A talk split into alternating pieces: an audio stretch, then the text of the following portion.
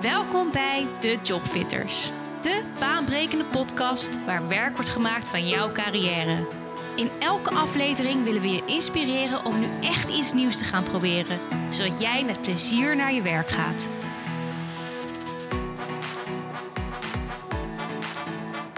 Welkom bij de Jobfitters podcast. Vandaag heb ik Erik van der Velde aan tafel. Uh, de reden dat ik Erik heb uitgenodigd is omdat hij, wat mij betreft, het voorbeeld is dat je dromen echt kunt najagen. En dat je niet keurig jarenlang het gebaande pad moet lopen om je dromen te kunnen verwezenlijken. Toch, Erik? Uh, dat is zeker waar. Ja? Ja.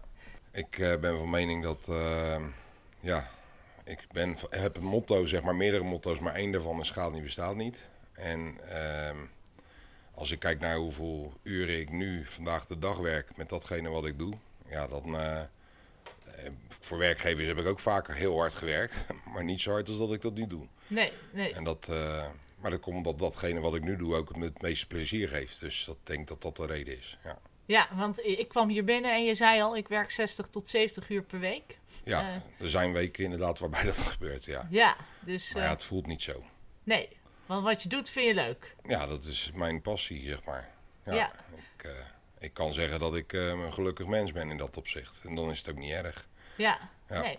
Nou, daar gaan we het vandaag uitgebreid over hebben. Um, uh, ook de weg hier naartoe, hè, want je bent ondernemer. Maar daarvoor was je dat niet. Je bent lang in loondienst geweest ook. Um, dus het is heel interessant voor mensen om te horen wat de stappen zijn die je hebt genomen. En um, nou ja, wat jij anderen ook mee wilt geven die zelf even vastlopen in hun carrière. Ja. Um, maar voordat we dat doen, denk ik dat de mensen ook benieuwd zijn even wie is nou eigenlijk Erik? Um, zowel een stukje privé als uh, zakelijk. Ja, wie is Erik? Uh, als je dat aan vrienden van mij zou vragen, die, uh, die zeggen dat ik als mens zeg maar heel erg door zee ben.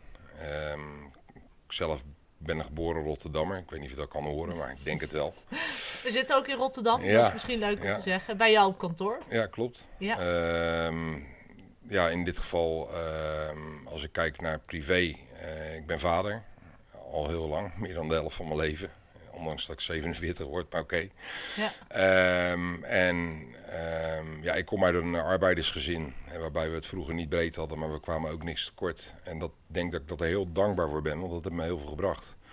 Dus uh, ja, en voor de rest uh, nu sinds een jaar of zeven als ondernemer aan de slag. Uh, ja, op een gegeven moment ervoor gekozen om inderdaad niet langer zeg maar, voor de baas te gaan werken, maar zelf de baas te worden. Dus ja, dat is het eigenlijk. Ja, nou, dat zeg je, dat is het eigenlijk. Uh, maar daar is heel wat aan vooraf gegaan. En dat begon dus eigenlijk al uh, in het arbeidersgezin. Je zegt, ik ben dankbaar uh, dat ik dat, die opvoeding heb meegekregen. Of in ieder geval die context waar je in zat. Um, kan je daar iets over vertellen? Waarom ben je daar dankbaar voor? Nou ja, mijn vader die is totaal tegenovergesteld dan hoe ik ben. Ik ben, hij is zeg maar non-verbaal dominant en ik ben verbaal dominant. Dat is iets op jonge leeftijd al vrij snel ontwikkeld.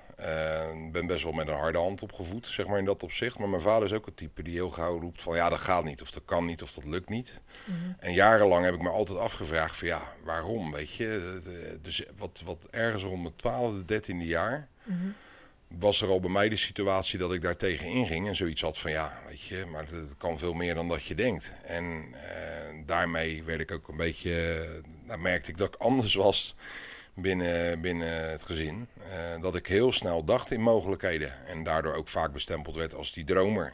Dus uh, ik had altijd ambities om iets te gaan starten voor mezelf. Alleen, uh, ja, omdat je omgeving zeg maar dat belemmert in hun uitingen. Ja, dan moet je echt heel diep bij jezelf nagaan. En het heel diep van binnen uh, uit je halen om toch die stap te zetten uiteindelijk. En dat heeft bij mij dus heel lang geduurd. Ja, maar vanaf kinds af aan riep ik al, ik ben later uh, eigenaar van een groot bedrijf dat in heel Nederland bekend is. Dat Ja. is heel raar.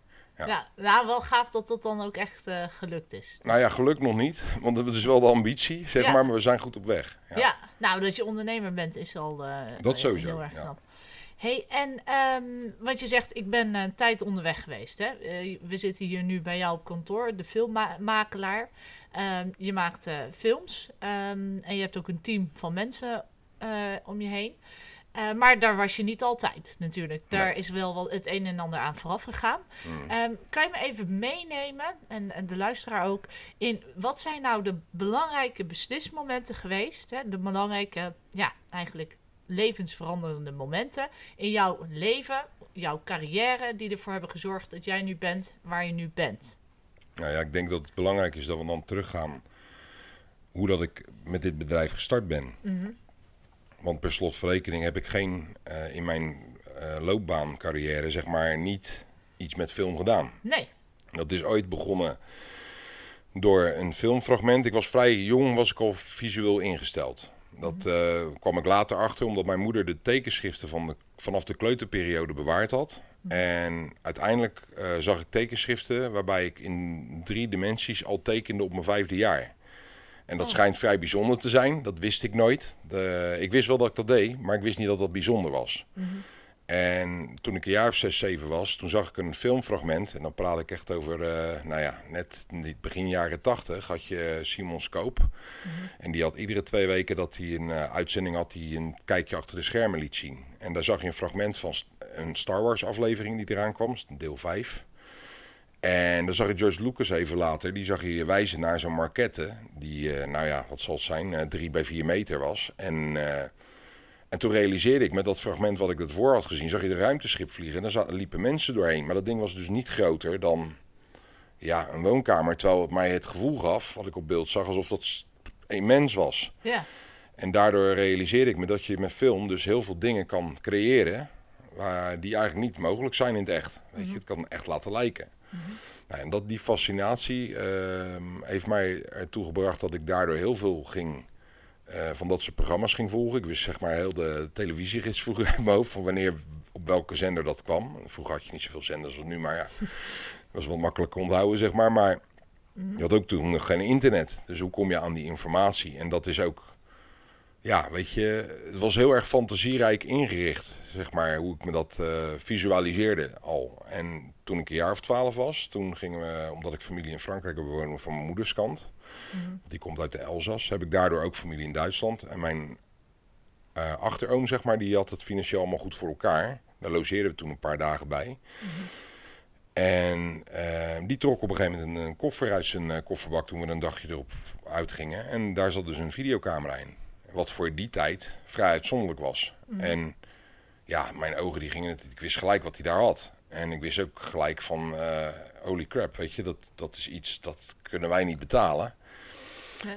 Maar het grappige is, dat hij had dat door, want eh, ja, je moet sowieso, hij had twee dochters. Hij zag een beetje mij een soort verloren zoon, weet Oh, je. ja. Dus hij had, eh, had voor me wel een toffe peer, zeg maar. Op die leeftijd was ik 12 en toen zei hij op een gegeven moment na 10 minuten, Erik, du mal? Oftewel, wil je filmen? En toen, eh, ja, daar hoefde ik natuurlijk geen seconde over na te denken. Dus hij legt even in korte stappen uit hoe dat ding werkt. Nou ja, als autodidact snap je dat gelijk. En eh, ja, ik begin te schieten. En toen we s'avonds die videoband terugkeken, was de eerste 10 minuten was het heel erg stil. Eh, of nee, we zat iedereen er doorheen te kletsen. Waren beelden van mijn oom. En daarna werd het stil. Toen kwamen de beelden die ik gedraaid had. En dat was al heel erg storytelling-achtig. En Ja. dat, eh, hij stond ook nadat het afgelopen was gelijk op van... Oh, dat is, eh, die heeft dat in de genen en daar moet hij wat mee. Nou ja, vroeger had je daar geen opleiding in. Dus Had je daar geen opleiding in? nee, nee, nee. nee. Je had grafisch, eh, had je wel, zeg maar, drukkerijwereld was toen, lag helemaal open. Weet je, dus het, je kon grafisch, grafisch tekenen en dat soort dingen. Maar echt een opleiding zoals je die nu hebt. Het is natuurlijk nu ook veel meer trend om inderdaad iets met film... Als je wat met film wil doen, online, de mogelijkheden zijn oneindig. Ja. Ik bedoel, eh, kijk maar naar je mobiele telefoon. Ja, ja, ja. ja. Eh, dus in die tijd Toen was dat niet. niet. Nee. Nee. En dat, eh, dus ja, ik ging naar de MAVO toe en dat moest van mijn ouders. En die hadden die keuze gemaakt. Want dat was qua blijkelijk een goede keuze. Nou ja, dat zag ik heel anders. dus uiteindelijk, eh, mijn schoolperiode heb ik er eigenlijk een beetje met de pet naar gegooid. Dat boeide me totaal niet, school. En ehm, uiteindelijk ben ik op een detailhandel terechtgekomen. Omdat het wat meer richting hè, de droom ging van ik wil een eigen bedrijf starten. Wat wist ik toen nog niet. Nee. Maar ehm, ja, en toen ik 17,5 was, toen was ook het geld thuis op voor een vervolgopleiding. Toen ben ik gaan werken. En, eh, en altijd blijven aanhobbyen. Ik had op een gegeven moment een camera die ik kon lenen via een vriend van me. Eh, althans, die zijn zus had er een en die mochten wij dan lenen.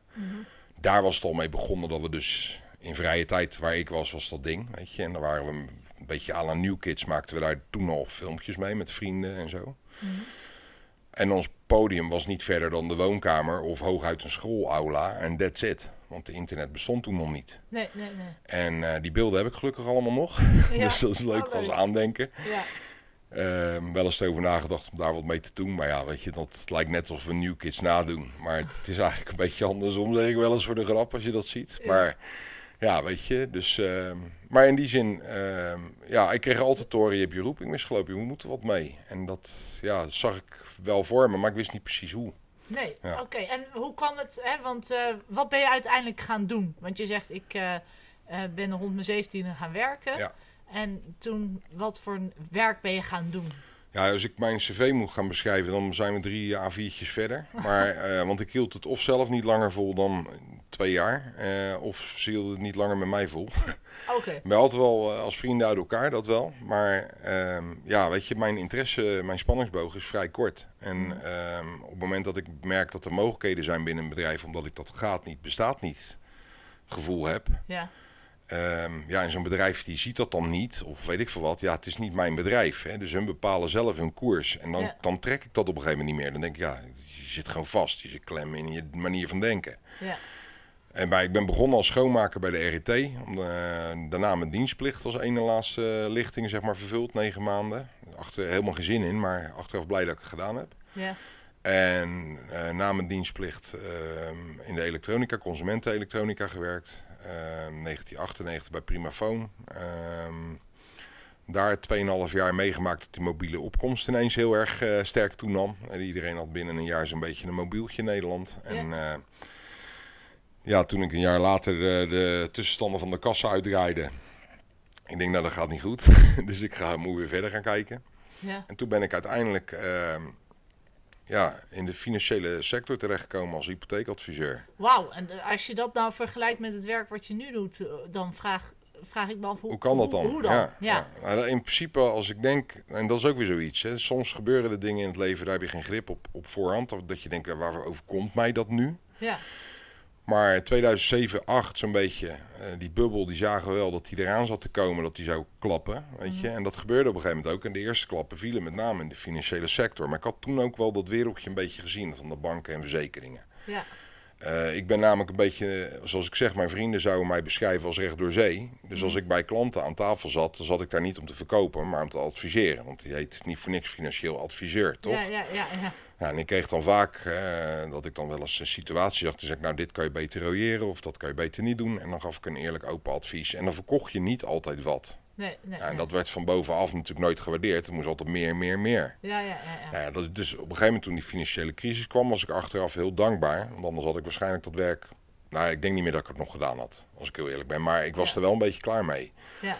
En want eh, was dat dan, als je het hebt over belangrijke momenten in je carrière die bepalend zijn geweest voor eh, waar je nu bent, eh, was dat dan eigenlijk een, een, een soort van dieptepunt die uiteindelijk. Sorry, ja, dan ontbreek ik je gelijk. Ja. Kijk, als je dieptepunten heb ik... ehm tuurlijk, iedereen heeft dieptepunten. Maar Ja. bij mij zit dat niet zozeer in... eh, het werk is het werk. Begrijp je wat ik bedoel? Daar kies je zelf voor. Dus Ja. het kan nooit zo zijn dat door de situatie als die crisis... dat je dat als een dieptepunt moet zien. Nee. In mijn geval ben ik enorm dankbaar dat het gekomen is, want daardoor werd ik gedwongen. Eh, kwam ik zonder werk te zitten. Nou, dan ga je heel anders nadenken. Uiteindelijk een jaar later, omdat het leek alsof er op mijn voorhoofd... Hè, want je hebt HBO plus afgeronde opleiding in je vrije tijd. En dan wil je pakketjes bezorgen of buschauffeur worden. En dan zit je tegenover een manager en die denkt, oh, die is veel te mondig. Die pikt dadelijk mijn baantje in. Ja, En de mensen werden bij bosjes tegelijk, dat ging echt met een paar honderd tegelijk, zo ook bij mij toen. die werden de mensen ontslagen. Dus mensen waren ook heel huiverig. En de concurrentie was moordend. Want als jij op een vacature reageerde, kregen ze gewoon een paar honderd reacties binnen, binnen een paar dagen. Dus ja, de kans dat je uitgeloot wordt om op bezoek te komen, ja, net in de 40, is vrij klein. Dus ik had toen al door van ja, dit kan, dit, dit moet ik anders gaan doen. Want ik heb recht op zo lang uitkering. En daar moet ik het niet van hebben, weet je. En ik heb niet veel nodig hoor. Want ik ben totaal niet materialistisch. Maar ik had wel zoiets van... ehm, ja, dit is niet wat ik wil. Met twee jongens die opgroeien naar het voortgezet onderwijs... en eentje naar het mbo. Dat is een hele dure fase in het leven. En een koophuis gekocht. Ja, ja, ja. Ja, eh, dus dat was niet eh, ideaal. En ehm, wat gebeurt er dan? Eh, nou, ehm, je solliciteert, je gaat terug het verzekeringsleven in. Daar kom je dan per toeval in terecht. Een jaar later krijg je weer te horen dat je eruit mag met 800 tegelijk. Ehm, en toen, dat is een dieptepunt geweest, was het moment dat ik in 2010, 11 zo'n beetje, raakte ik steeds meer mezelf kwijt. Als jij je constant solliciteert op van die hele blije vacatures, van ben jij die nieuwe salestijger, die leuke collega?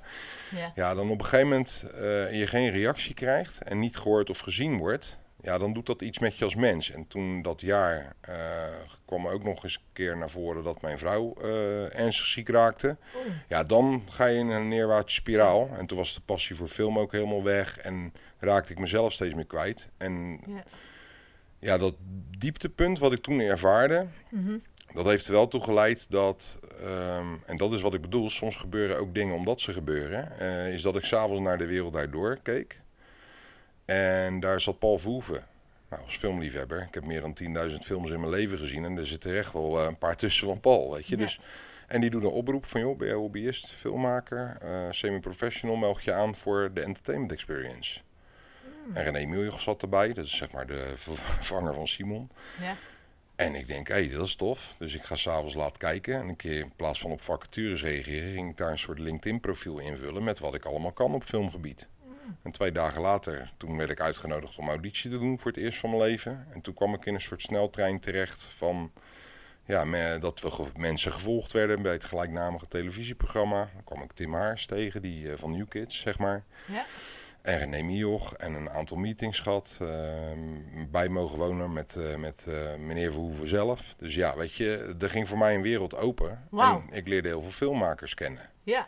En toen viel mij op dat heel veel filmmakers heel erg goed zijn in wat ze kunnen. Want het is allemaal disciplines. Je hebt iemand die specialist is in geluid. Je hebt iemand die specialist is in hoe de lens afgesteld moet worden, een focuspoeler. Eh, je hebt een gaffer, dat is iemand specialist in licht. Weet je? En zo heb je de cameraman en de DOP. Director of photography, de regisseur. Nou ja, zo heb je allemaal functies. En iedereen is goed in zijn eigen dingetje. Ja. En wil daarin het beste van zichzelf geven. En met name in speelfilms. Maar je merkt dan dat ze dit vaak erbij doen. En Niet fulltime kunnen doen, omdat ze of niet genoeg aan opdrachten komen. Of ze moeten het geluk hebben dat ze eenmaal in zo'n clubje zitten en dan inderdaad genoeg werk hebben. Want er worden per dag gemiddeld in Nederland zo'n 70 tot 73 professionele producties opgenomen. Door heel Nederland heen. Commercials, speelfilms, series, noem het maar op.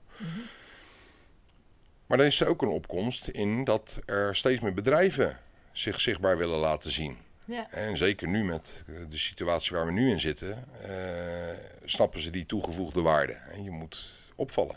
Ja. Ja. Ja.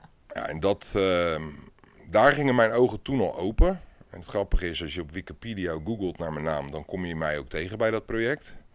En dan zie je ook dat eh 2013 eh, genomineerd werden voor een Digital Emmy Award. En dat, die haalden we binnen met dat project. Dus als je mij moet... Wel- Welk project? Sorry. De is- Entertainment Experience. Ah, Ja. oké. Want uiteindelijk ben jij dus... eh, heb jij het gewonnen of je moest... Hij het- deed mee met een eigen team. Ja, Dus ja, je moet je voorstellen, eh, Paul ging met een professioneel team aan de slag. Mhm. En wij als amateurs gingen met een eigen team zonder budget dezelfde film maken.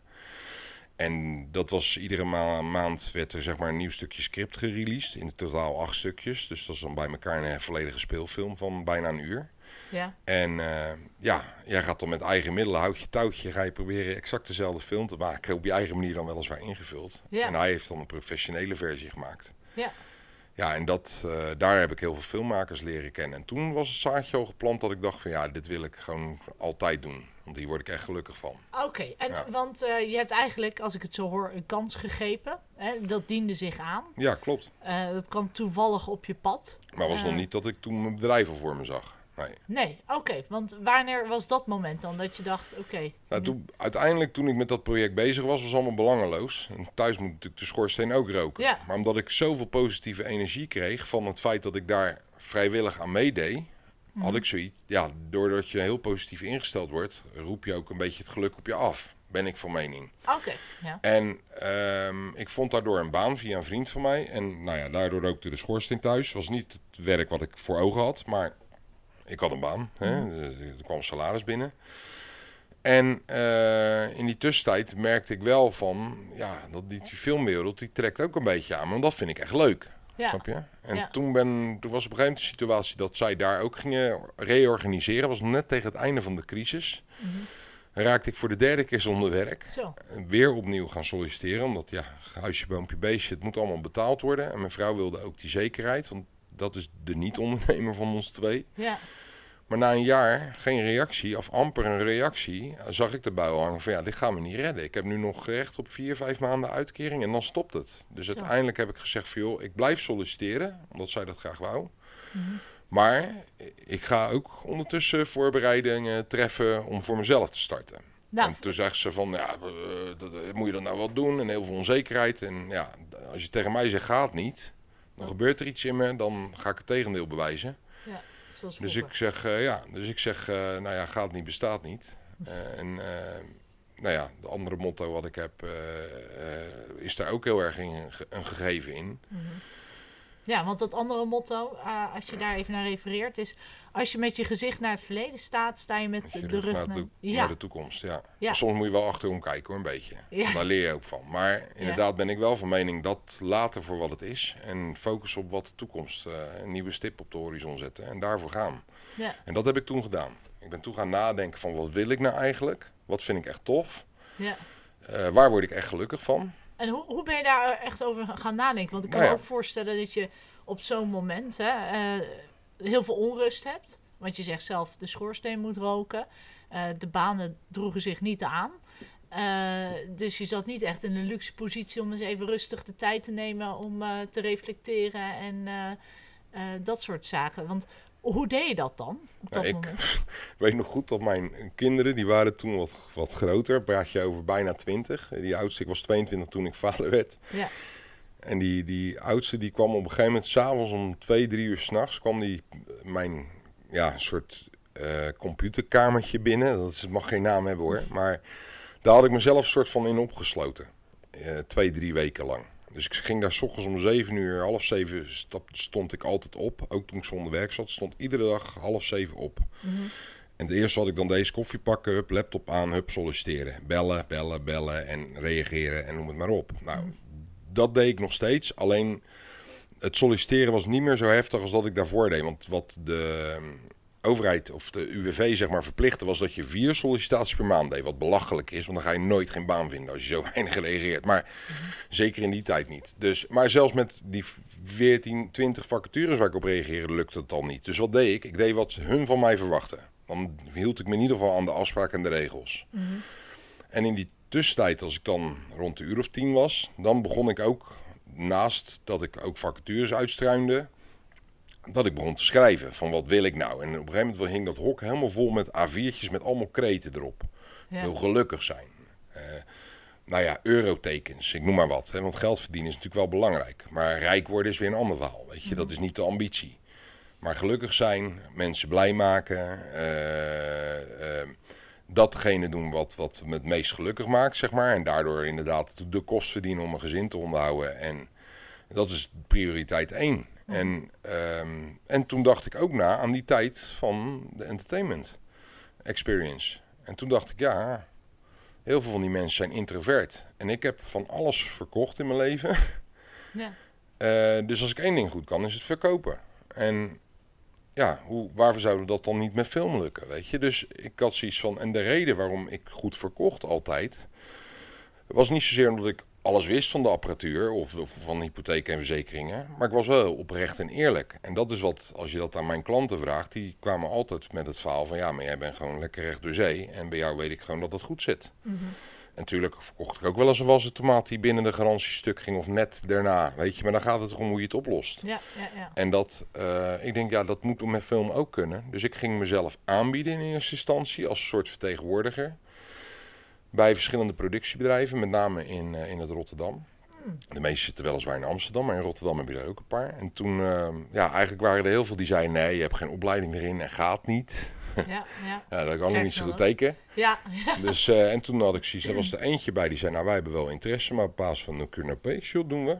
En binnen een maand had ik een eerste opdracht binnen voor 12.500 euro. Zo. En toen stapte ik er tussenuit, maar dat boterde er niet zo goed tussen die twee. Tussen die klant, want die is heel commercieel ingesteld en hun zijn heel erg creatief ingesteld. En ergens mist me een soort andere bloedgroep lijkt wel. Mhm. En toen dacht ik van daar zit mijn eh, toegevoegde waarde. Ik weet precies wat die ondernemer zoekt door mijn commerciële achtergrond. Ik weet ontiegelijk veel van films. ja. Want als ik daarover begin te praten, nou, dan redden we het niet in die half uur. Ik ben al benieuwd of we het überhaupt nu redden. Nou, ik denk dat we iets uitlopen op de tijd, maar het is een goed verhaal, dus dan mag het. Nou, dank je. Ja. Maar in ieder geval, dus in dit geval, ehm, ja, had ik zoiets van, daar zit mijn toegevoegde waarde. Ja. En dus als ik nu ga schakelen tussen de filmwereld, en er zijn heel veel vakspecialisten die graag dit werk fulltime willen doen. Mhm. Er zijn heel veel ondernemers die behoefte hebben aan film, maar niet precies weten waar ze aan toe zijn of hoe of wat. Ja, dan, zo kwam ook de naam eh, naar voren, de filmmakelaar. Ik verkoop geen huizen, maar films. En Ja. dan voor bedrijven. Dus dat is eh, waar ik op ben gaan focussen. Ja. Ja. En, eh, En met mijn laatste vijftientjes gestart, sorry. Met mijn laatste Ja. vijftientjes gestart. En inmiddels zeven jaar later bijna. zonder sales. 850 producties verder. Dus ongelooflijk, ja. ja, absurd. Ontzettend knap, ja. Ja, ja knap. We Ja. doen iets goed en mensen Ja. praten erover. En dat is natuurlijk de beste reclame. Hoe Ja. goed onze films ook zijn. Maar Ja, maar in die zin knap. eh, kijk, eh, als ik jou zo hoor, dan eh, kom je eigenlijk wel van ver. Je hebt altijd talent gehad die je hele leven hebt meegedragen. Hè, en die ontpopte zich af en toe. ja, en ineens was daar wel het moment dat je dacht, nu ga ik er echt iets mee doen. Ehm, en toen ben je gestart met eh, de filmmakelaar. ja. Ehm, en als je even kort zou kunnen vertellen van hoe heb je tot zo'n succes kunnen maken? Want heel veel mensen dromen van het ondernemerschap. ja Maar- voorbereiden. Dat is, is 90% is voorbereiding. Dus je moet een stappenplan maken. ja. Noem het maar een bedrijfsplan. Dat is ook een soort stappenplan, weet je. Maar bij mij was het stappenplan eigenlijk veel, veel meer ehm, buiten het boekje. Omdat ik niet als ondernemer ben opgevoed. Ik bedoel, ik kom uit een arbeidersgezin. Ik ben echt binnen de hele familie, zowel van mijn moeders kant als mijn vaders kant, zo'n beetje de enige ondernemer. Ja. Dus ik moest dat wiel echt zelf uit gaan vinden. En ik ben eerst gaan nadenken van oké, wie worden mijn klanten? Nou, dat worden ondernemers. Want die, eh, daar zit geld, dat is één. Die doen al eh, geld verdienen. eh, maar die hebben ook behoefte aan film. Ja. En waarvoor zie ik dat dan nog zo weinig? Ik bedoel, het, eh 2015 praat ik over. Ehm, ja, een handjevol deed daar wat mee. Je had wel eens als je bijvoorbeeld bij Mediamarkt, ik weet niet of naam mag noemen trouwens, maar eh, bij eh, die rode Ja. rakkers die komen, hoe heet het, consumentengoederen verkopen. Ja. Eh, daar ging ik dan naar binnen en had je of, eh, van die schreeuwerige televisietjes met van... Hé, hey, kijk eens Mike, hoe geweldig deze stofzuiger is. Weet je, dat heel erg druk. Ja, ja, ja. En dan denk ik, ja, dat, dat, en qua blijkelijk werkt dat. Want het is onze auto's de weg naar Kralingen, dat, dat bestaat. En ook op televisie, als je overdag kijkt. Ja, ja. Maar dat is niet per definitie wat je als bedrijf wil, weet je. Dus ik, daar ben ik over na gaan denken. En toen dacht ik van ja, weet je, ik ben heel erg cinematisch ingesteld. Ik vind het mooi om mooie dingen te maken. Nou, daar moet geld voor zijn. Want ja, weet je, dat zijn meer de, de Jaguar en Rolls-Royce en Bentley producties. Hè, laten we ze zo maar noemen. Maar er zijn ook heel veel groenteboeren en aardappelboeren en eh, een tandarts of eh, ja, noem het maar op. Heel veel soorten bedrijven. En die willen ook allemaal iets doen met videocontent. En Ja. toen dacht ik van ja, daar moet ik natuurlijk wel oplossingen in aandragen. Die en duidelijk maken wat zoiets nou moet kosten. En ja, waarom dat je dat als bedrijf ook nodig hebt. Dus eh, ja. En toen dus eh, stappenplan gemaakt.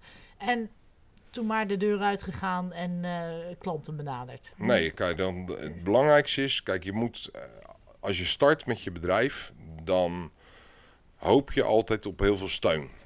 Vanuit je omgeving, noem het maar op. Maar eigenlijk moet je dat gelijk loslaten. Mensen gaan aan de zijlijn staan kijken of dat je op je bek gaat, even op Rotterdamse zeg, of niet.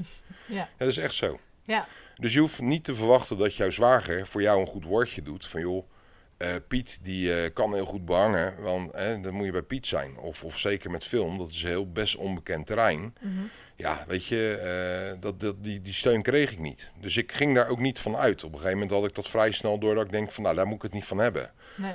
Ehm, ook de tips die je krijgt van niet-ondernemers en mensen die allemaal al jaar en dag in loondienst werken, net zoals dat ik dat gedaan had, krijg je heel veel tips ineens van ja, dan moet je dit doen en dat doen. Nou, ik heb dat allemaal laten varen, want je hebt er eigenlijk helemaal geen zak aan.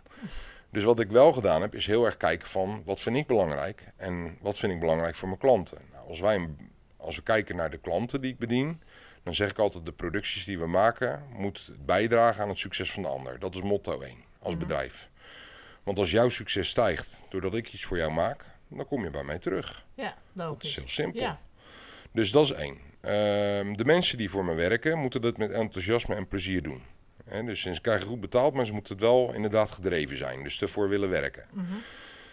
Eh, want ehm, ja, een blij team, en dat is het voorbeeld altijd van Coolblue, en daar werken heel veel mensen die blij zijn. Althans, die uitstraling hebben ze heel erg. Dus, eh, en dat werkt, want daardoor gaan mensen daar kopen. Ja, Het voelt goed aan. Dus dat is een beetje de blauwdruk geweest. Ze zijn ook heel succesvol in wat hun doen. En je moet een duidelijke missie hebben.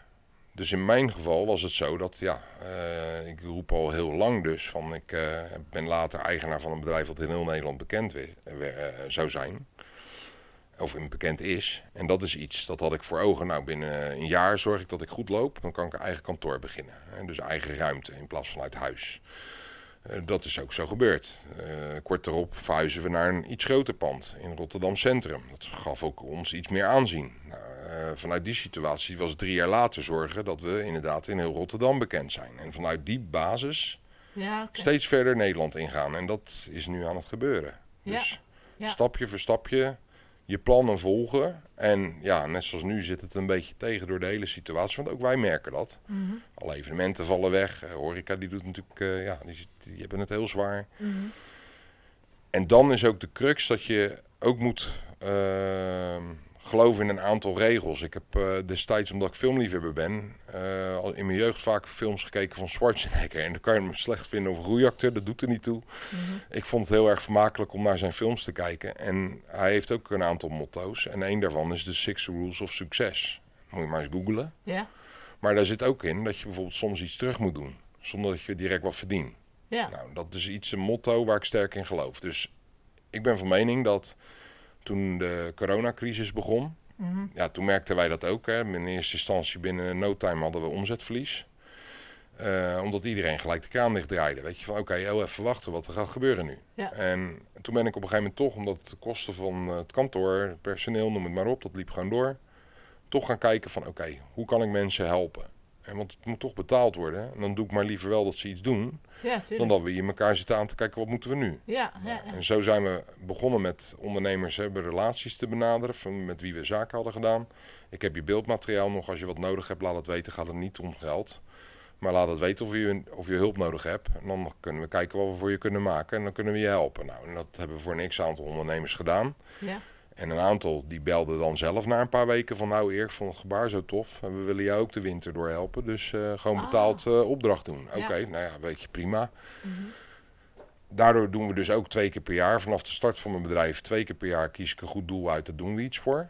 ja. Eh, of tegen heel veel, het ligt er maar net aan wat ze willen ook. Maar of heel scherp, weet je, echt tegen kostprijs. Of zelfs voor niks. Het ligt er een beetje aan. Ehm, en ehm, ja, dat is ook de reden waarom ik jou heb uitgenodigd. Ja, ja. Je moet soms gewoon wat terug doen.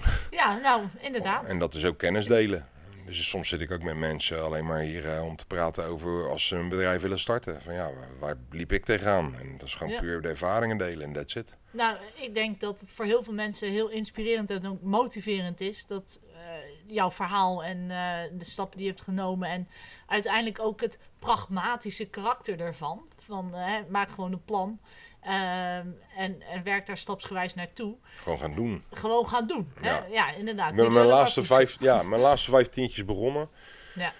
En het is heel raar om te zeggen, ik ben niet gelovig of iets in die zin. Maar ik ben wel van mening wie goed doet, wie goed ontmoet. Eh, en ook heel sterk geloof ik in het feit dat de dingen toch wel gebeuren omdat ze gebeuren. En pas achteraf kan je zeggen van, oh ja, dus daarom gebeurde dat. Of dat is de reden waarom dat tegenviel of die opdracht niet doorging. Het is heel raar. Ja. En hoe zwaar het weer je ook zit, ook ik heb daarmee te maken als ondernemer. Dat je soms hebt momenten dat het hartstikke goed gaat, maar dan neem je verkeerde beslissingen. Dat zijn de dure opleidingen, noem ik die altijd maar.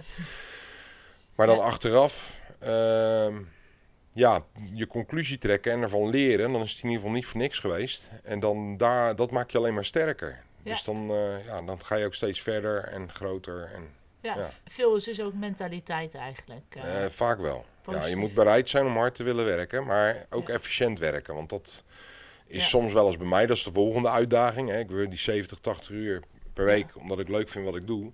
ja. Maar dat moet niet de ambitie zijn. Ik bedoel, ik word 47 in november. Ja, weet je, ergens komt er ook een moment dat je... Ik moet er nog niet aan denken hoor, overigens. Voor mij kun je me hier een keertje oprapen als ik 85 ben met mijn rollatortje. Maar, net zeggen, ja. ja. ja, maar dat efficiënt werken eh, loont natuurlijk ook. Ja. En het vertrouwen hebben in de juiste mensen eh, die dat eh, heel goed kunnen. Ja, En zullen dat vertrouwen ook geven. Ja. Want Ja. uiteindelijk is dat, eh, ja, weet je, zonder goede mensen om je heen kom je nergens. Dat, eh, dat ben ik echt van mening. Nee, ja, dat zegt Richard, Richard Branson ook. eh. Ja. Ja. Nee, dat kan je niet alleen. Nee, dat is film maken kan je ook niet alleen. Ja, Nee. ik kan mijn mobieltje pakken. Dat is wel als iemand vraagt, wat kost dat nou een filmpje? Ja. En dan zeg ik, ja, dat ligt eraan vanaf 100 euro. En dan kijken ze me aan en zeggen ze, echt waar? Omdat ze weten dat het kwaliteit is. En dan zeg ik, Ja. ja hoor. En dan pak ik mijn mobiel en dan zeg ik, eh, en actie. En dan zeggen ze, oh, eh, en dan zeg ik, en kut. Nou, dat was 100 euro. Dan beginnen ze elkaar te lachen. Maar dat is, Ja, ja, dat is ook een filmpje. Ja, maar natuurlijk. Niet, niet hetgeen wat jij maakt. nee. hey, en ehm, Erik, ik denk dat eh, heel veel mensen ook wel van jou zouden willen horen. Wat, wat zijn nou tips die je mensen mee wil geven? Hè? Als je vastloopt in je carrière, eh, of je zit even op zo'n dieptepunt, wat jij ook zelf wel eens hebt ervaren. Wat zou je mensen mee willen geven?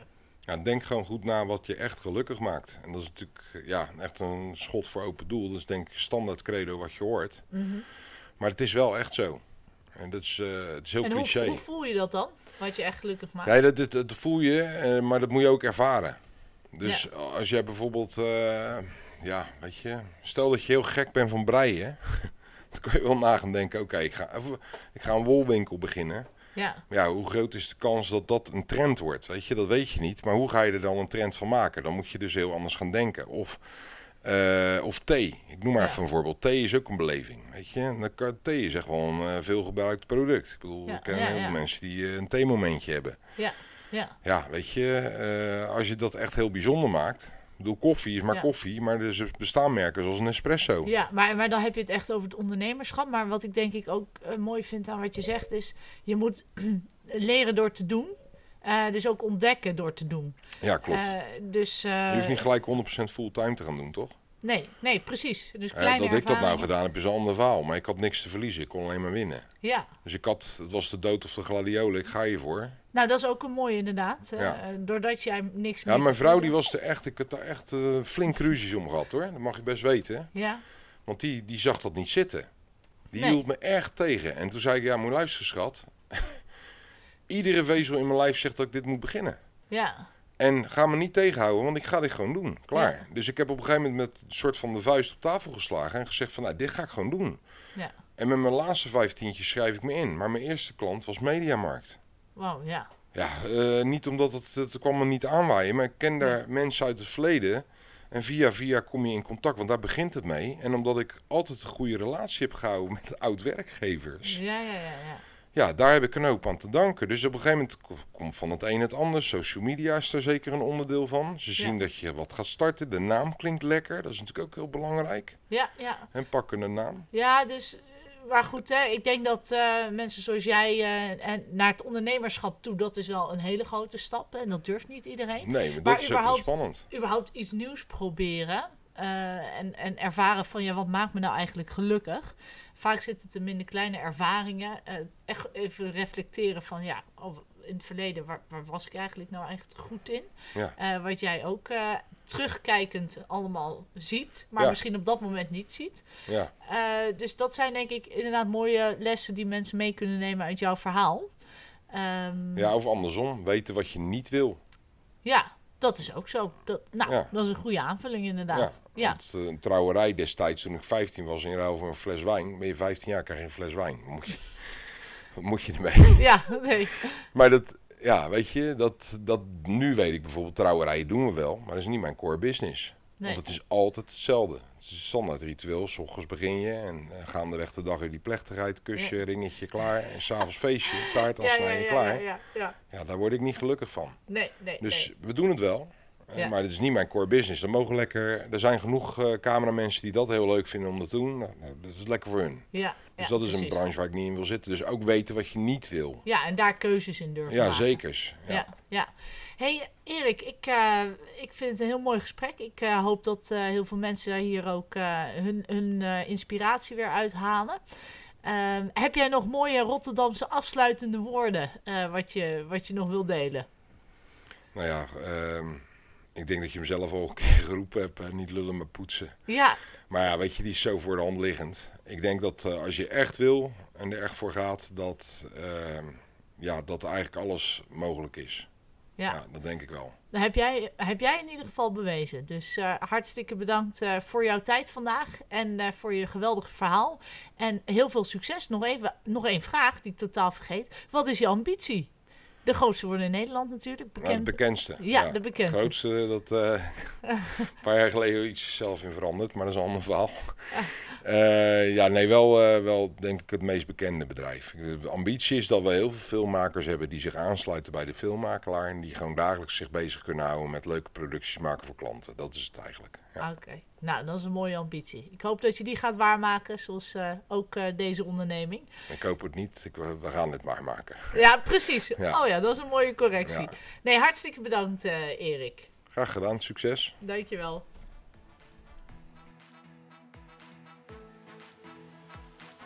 Ben jij geïnspireerd door Erik zijn verhaal en wil je zelf ook het gevoel hebben dat je werk je hobby is? Maar ben je nog zoekende wat je wil en hoe je dat wilt aanpakken? Kijk dan eens op www.thejobfitters.nl.